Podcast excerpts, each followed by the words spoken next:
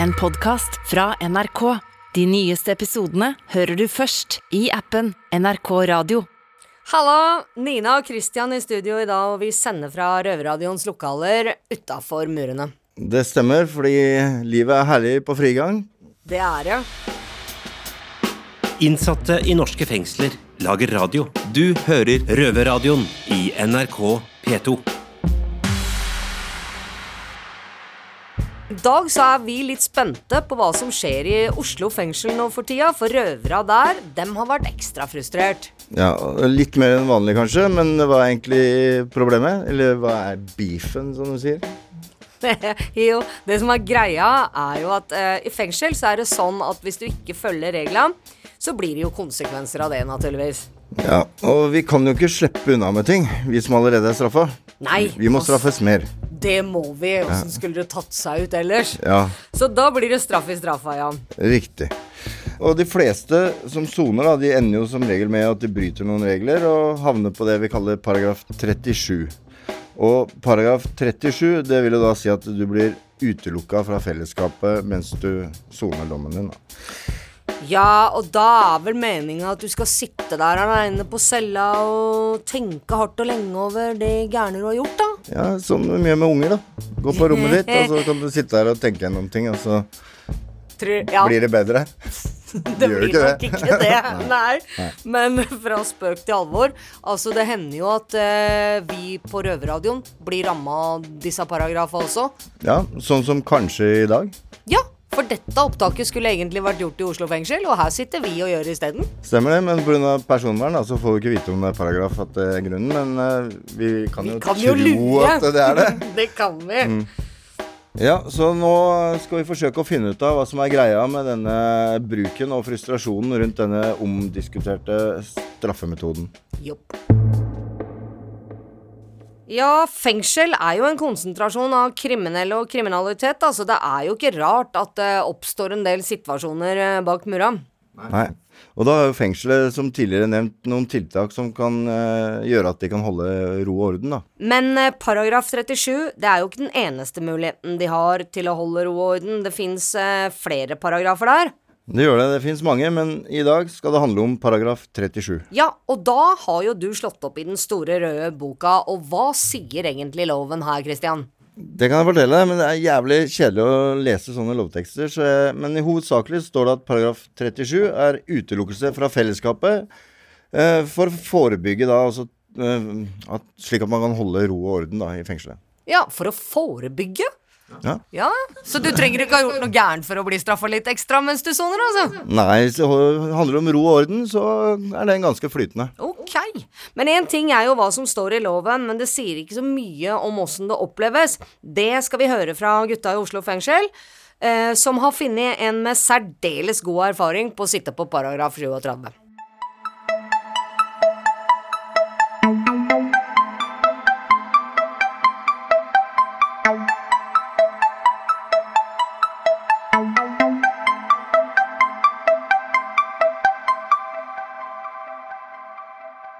Prins og Joakim i studio her, og vi har besøk av en som akkurat har sittet ti dager på paragraf. Velkommen til deg, Kalle. Hvordan føles det å være ute blant andre innsatte? Ah, det føles eh, Jeg føler, da. Jeg føler at uh, man blir litt rar i hodet, rett og slett. Man føler seg litt uh, komplisert og hvor- Hvordan er det, liksom? For man har blitt isolert i ti dager på et rom som er uh, en celle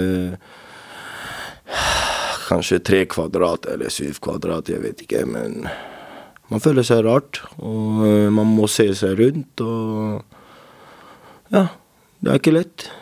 Er det en god følelse å komme ut av cellen Det er det beste. Det er det beste følelse etter ti dager å komme ut.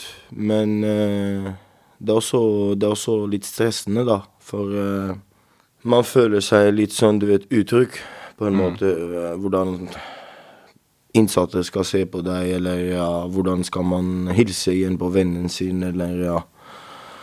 Ja, rett og slett. Hvor, uh, hvor mye paragrafer har du hatt til sammen? I sammen uh, at uh, 30, 30 ganger har jeg sittet på 37. Ja, det er veldig mye. Mhm. Jeg knakk rekorden. Uh, av eh, Hvor lenge har du sona? Jeg har, har sona nå i ni og en halv måneder. Og hvor lenge har du sittet på paragraf til sammen av de ni månedene? Eh, seks måneder. Så du har sittet to tredjedel på paragraf? Helt riktig. Shit. Mm. Kan du beskrive en dag på paragraf 37 for oss? På dagen, da, på morgenen.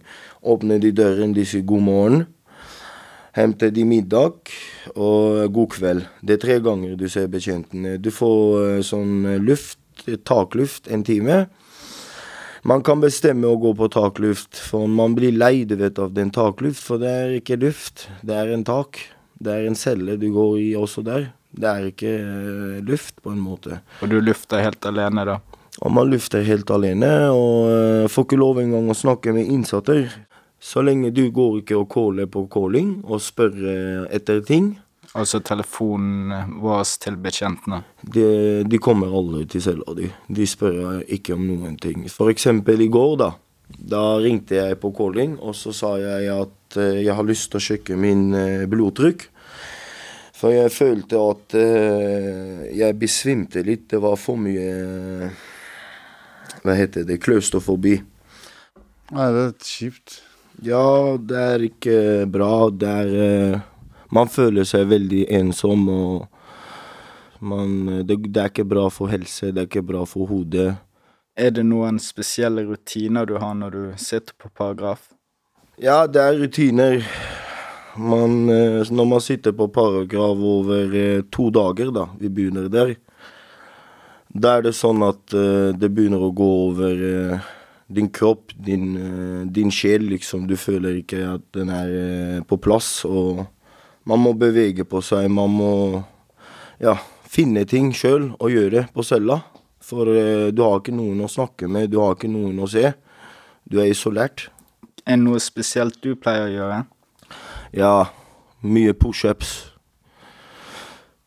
Gå mye, bevege på meg. Se meg i speilen. Vaske hendene. Snakke med meg sjøl, da. På en måte. Holde deg sjøl i form? Holde meg i form. Men eh, er dette din feil, eller er det betjentene sin feil? Ja, det kan også være min feil. Jeg sier også det er min feil. Selvfølgelig, øh, hvis ikke man gjør feil. Man havner ikke på 37. Men øh, det fins alltid en grense hvor man kommer til feilen. Man føler seg at uh, Ja, det er bare den ene ting man kan gjøre med denne her mennesken, å sette ham på 37. Det er der han lærer. Og det er ikke sant, for man lærer ikke da. Man blir enda verre. Man blir enda hvordan skal jeg si det Ikke Mer sinna? Mer sinna, mer ikke samarbeide. Gi faen i loven, da, på en måte. Men er det noe du kan gjøre for å ikke havne på paragraf? Ja, det kan jeg gjøre veldig mye. Jeg, jeg, jeg er ikke glad å havne på 37. Men eh, jeg kan ikke bestemme på mine følelser for eh, hvordan jeg skal fortelle det. Når man har en dårlig dag, og eh, man har en dårlig følelse den dagen, og man er litt irritert, og man sitter i fengsel, det er ikke gøy. Du er ikke ute. Da er det sånn at du er litt sint, du er litt irritert. Man skriker, man ba, ba, ba, banner og sånne ting. Men ville du hatt mer tilsyn av betjentene om det var en mulighet? Kanskje, kanskje få litt mer aktivitet. Kanskje få bevege på seg mer, få komme mer ut av den cella. For eh, når man sitter på cella OK, jeg skal forklare dere nå. Når man sitter på cella over fem dager, du merker cellen blir mindre og mindre og mindre. Og det er det som heter klaustrofobi. Og eh, når, når cella blir mindre og mindre, da blir hjernen din også mindre og mindre, kompis. Og det er ikke bra, for uh, man blir veldig sint, man blir veldig irritert. Man tenker hva faen er det som skjer, liksom? Eh, Hvilken land er jeg jeg bor i? Er det Norge, eller er det Korea? Så uh, jeg syns at uh, det skulle vært mer hjelp og mer støtte her inne av kriminalomsorg.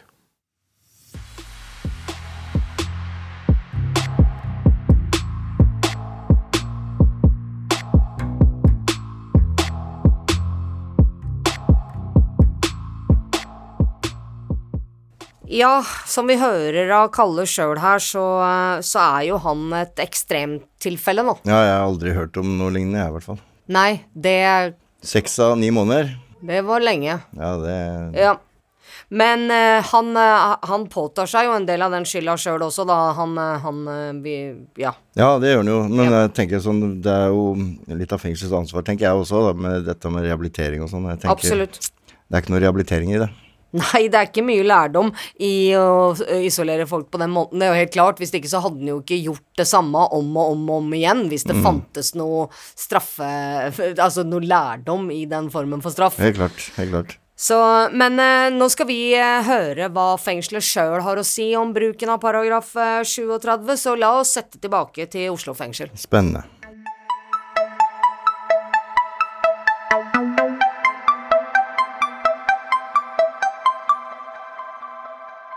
Assisterende fengselsleder her i Oslo fengsel, Stian Fjelstad, velkommen.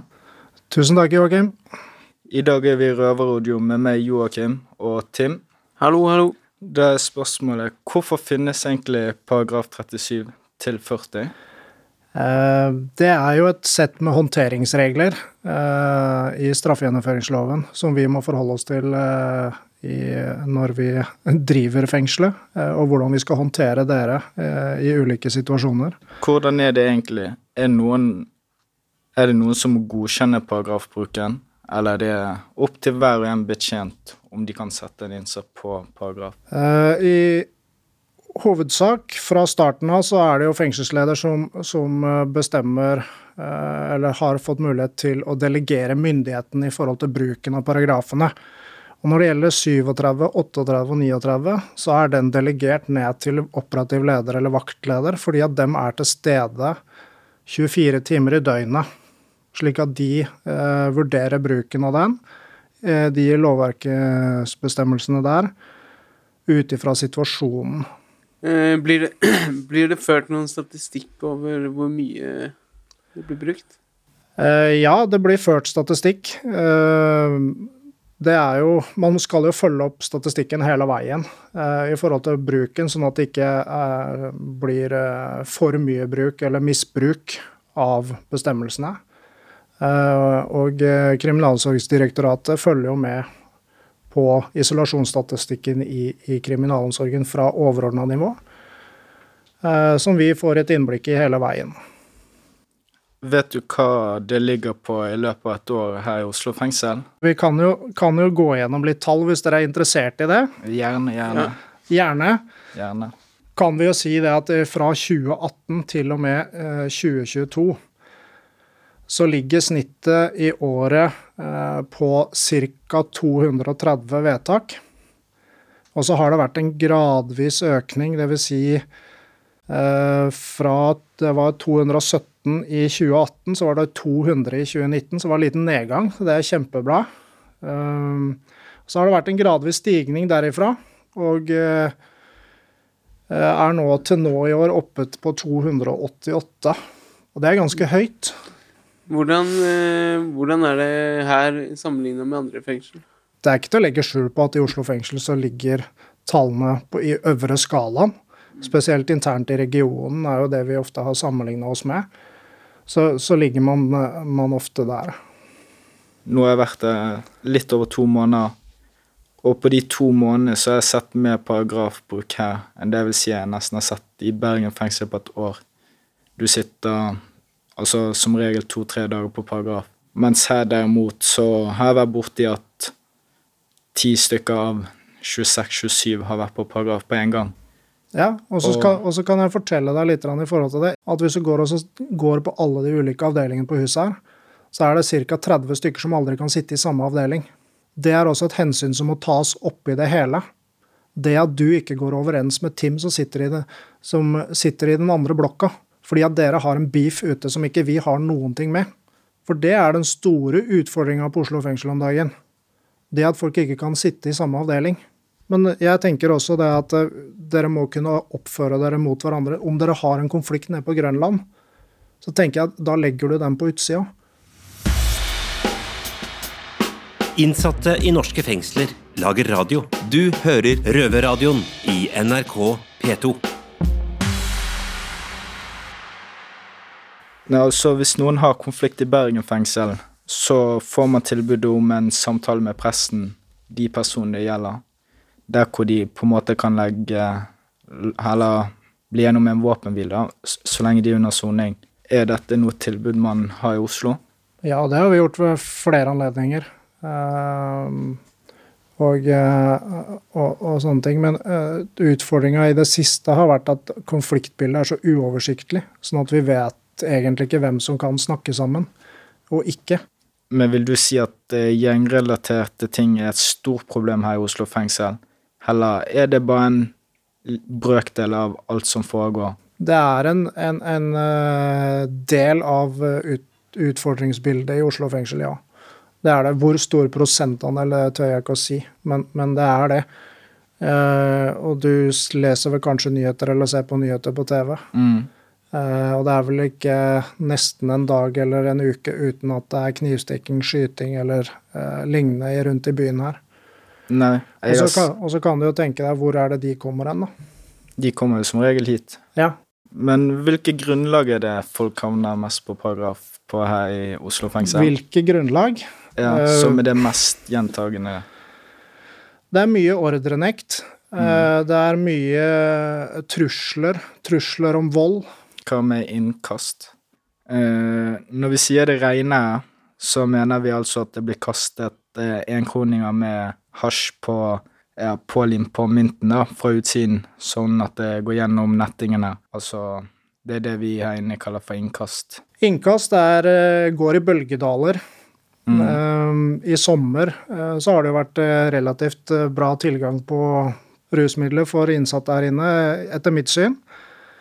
Eh, mye, mye innkast, og da kan det medføre at man blir utelukka i kortere eller lengre tid. Helt avhengig av hvor involvert man er i det. Um, og det handler om at vi har behov for i noen tilfeller å kartlegge uh, situasjonen. Hvem har vært involvert, hvem har ikke involvert. Og så er det helt forståelig det at det er kutyme blant dere at ja, jeg kan fortelle om min egen posisjon, men jeg forteller ikke om, om, om kompisen eller hvem som har bestilt og sånt noe. Det er helt normalt. Min oppfordring er at ja, fortell om din egen situasjon. Hvor involvert var du? Og så prøver man å være så ærlig som mulig, så kanskje man havner greit ut av det. Bare fortell om en ting som skjedde med meg og to andre. Det regnet eh, veldig mye ute i luftegården, og som eh, vi vet, så fins det ikke noe sted å eh, ja, sitte eller sånn. Det fins ikke noe tak. Så prøvde først å rulle en sigarett i regnet, sånn, men eh, det gikk ikke så bra. Så jeg satte meg da under bordtennisbordet og rulla en sigg. Og så etterpå, når vi kom inn, så så sto det to betjenter og tok hver av oss, vi tre, da, som gikk sammen, og inn på cellene og, og liksom satt på paragraf. Og da mente de at begrunnelsen da var at vi eh, hadde røyket hasj. Og det var det som ble rulla under det bordtennisbordet. Men eh, jeg mener jo da at eh, enten at de hadde tatt spyttprøve eller eh, pisseprøve, eller sånn test som de tar på fingrene. Men ingenting av det skjedde. Vi ble satt på paragraf i, i syv dager. I syv dager. Syv dager. Ja, det syns jeg hørtes mye ut, men uh, Ja. jeg, ikke, jeg kjenner ikke saken konkret, og så hører jeg din versjon av det. Uh, og så er, er det jo kjent at vi følger jo med dere når dere er ute. Det sitter en i luftetårnet, og så sitter det noen og ser på kameraene i forhold til det. Eh, og så er det sånn at eh, avvikende atferd, da, det er det vi følger med på. Fordi eh, du sier det, det eh, regner, eh, og det er jo det det gjør, ikke bare fysisk regner med vann, men, men det har jo til tider regna kronestykker så det holder her. Så vi har fått fylt opp kassa med, eller glasset med kronestykker også. Det er jo kjempefint. Men det er ikke alltid like lett å se, ikke sant. Og så er det kjent at bordtennisbordet i Luftegård 2, det er også et fint sted hvor, hvor det kommer en del, ikke sant. Eh, De fleste som har vært til stede i forbindelse med lufting i Luftgård 2, vet jo at det er omtrent der det havner. Og da, når, når du eller kompisene dine har en avvikende atferd, for det er ikke normalen å sitte under et bordtennisbord og rulle en, en røyk, ikke sant? Og så sitter du, og så kanskje du sitter der og røyker på en litt eh, annerledes måte enn normalen fordi at røyken ikke skal bli våt og alt mulig sånn, ikke sant? Og så slår det inn ok, men da gjør vi noen tiltak når du kommer inn. Nummer én, vi plukker deg til side. Og så tar vi en samtale med deg. Og så kanskje vi sjekker deg. Uh, og så handler det da om hvordan responderer du på de spørsmålene jeg har, da. Mm. Og da kan du uh, risikere at du blir satt på 37 fordi at man opplever at du er rusa. Og så er det sånn Nå kan ikke jeg nok om, om, om spyttprøvene, sånn faglig sett, uh, men det kan man jo ta. Og det er jo det man primært bruker som ruskontroll nå også. At det er ikke sikkert det er mest hensiktsmessig for meg å bruke den akkurat når du kommer inn.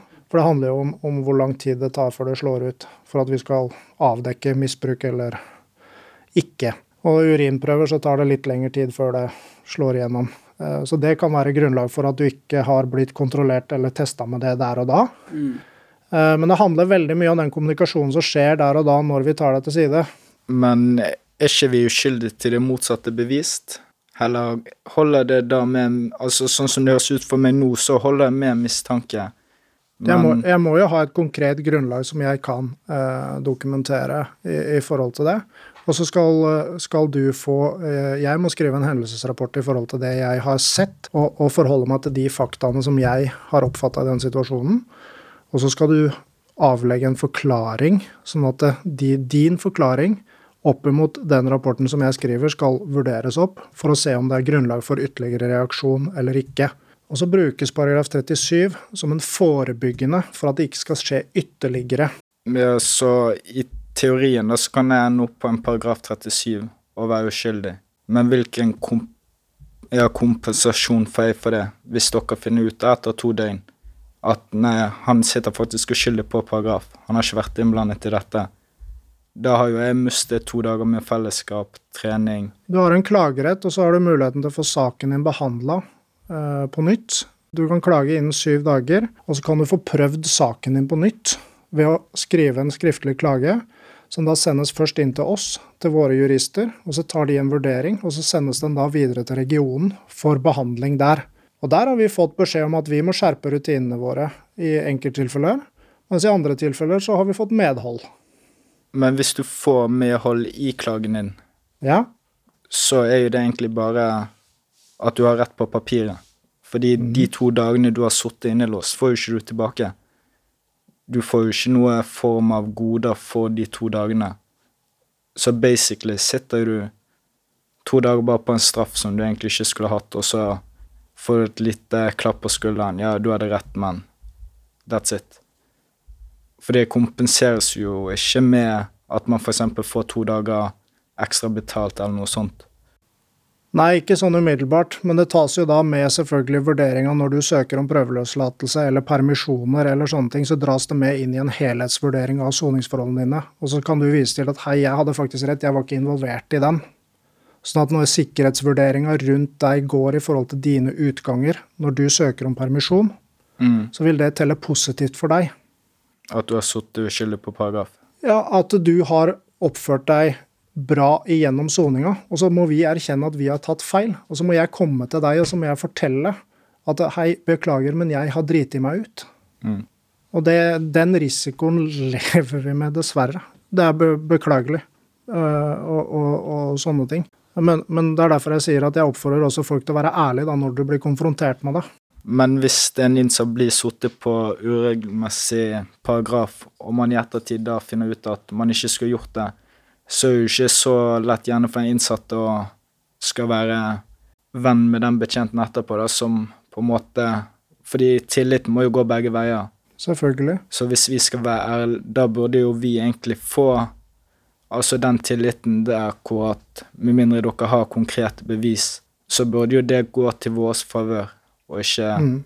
at vi blir straffet i påvente av at her skal vi finne ut om det stemmer, og så etterpå så er liksom Nei, jeg tok feil. Du har bare mistet to dager av uh, luften din og trening. Men vet du hva, jeg driter i det. Du, vi har en grei tone. Det er jo ikke så lett. Nei, jeg, jeg forstår at det ikke er så lett. Så da blir jo det litt motsigende, spør du meg, da. Ja, det blir det. Uh, og så kan man ikke forvente at du og jeg skal ha et veldig åpent forhold når du, når du setter deg opp sånn som du gjør det. Det er jo helt klart det, men da må jeg som jobber her, spille på det, da. Så må jeg tørre å kunne gå og være ærlig med deg, da. Ikke sant?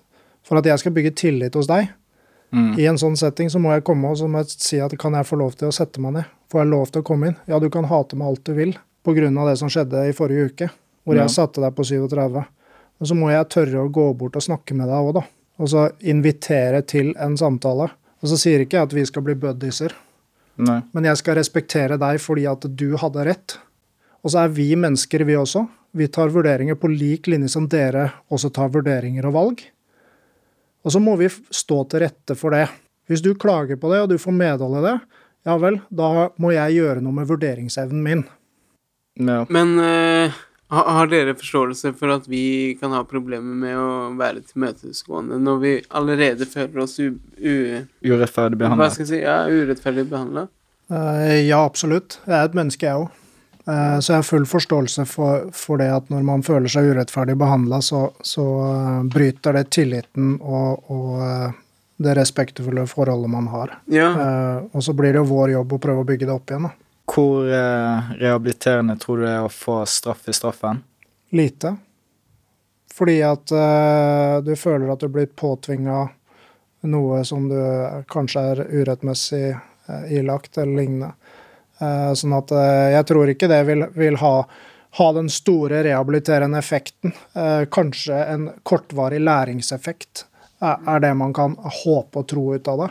Eh, Men så er det sånn at man må ha noen eh, håndteringsregler i forhold til det at færre, færrest mulig skal bli involvert i, i, i ulike typer hendelser eller sånne ting. Da. Men da må vi nesten avslutte for i dag.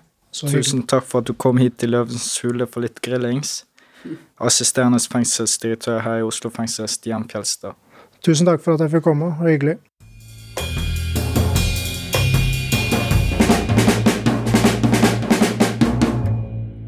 Ja, Christian, hva tenker du om det vi hørte nå? Det er vel noe jeg skal si sånn Fy faen, det jævla betjent nå og greier. Men, Ja. men jeg tenker egentlig For at jeg har sittet i Oslo sjøl, og, og jeg kan Jeg tenker sjøl, da, det jeg tror, da, at uh, grunnen til at de bruker det så mye, er rett og slett pga. bygningsmassen her, og at uh, det er lite overvåking der. Det er ikke kameraer. De, de får ikke vært i fellesskapet. altså de da blir det liksom at de bruker den letteste måten å håndtere ting på, og det er jo paragraf 37, for den kan du bruke til alt. Og så blir problemet isolert og låst inn, og så går hverdagen videre, på en måte. Eh, og så ja.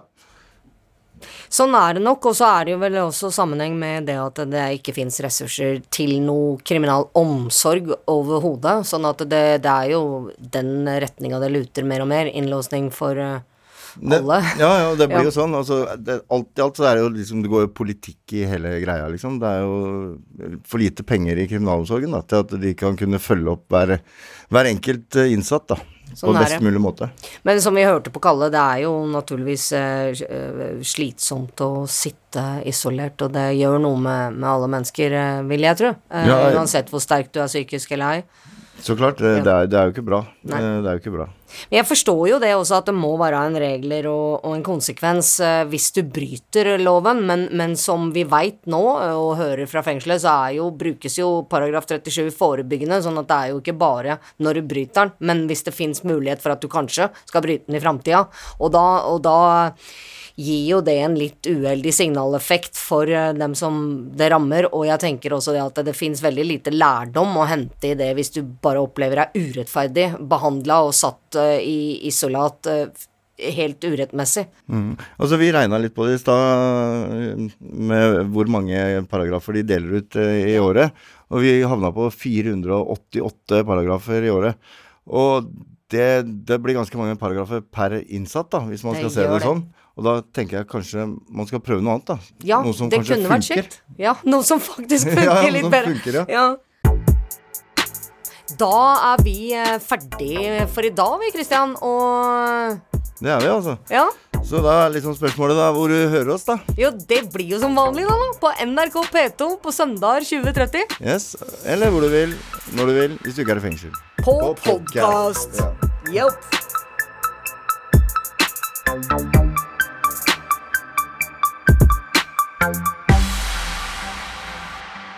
Røverradioen er laga for og av innsatte i norske fengsel.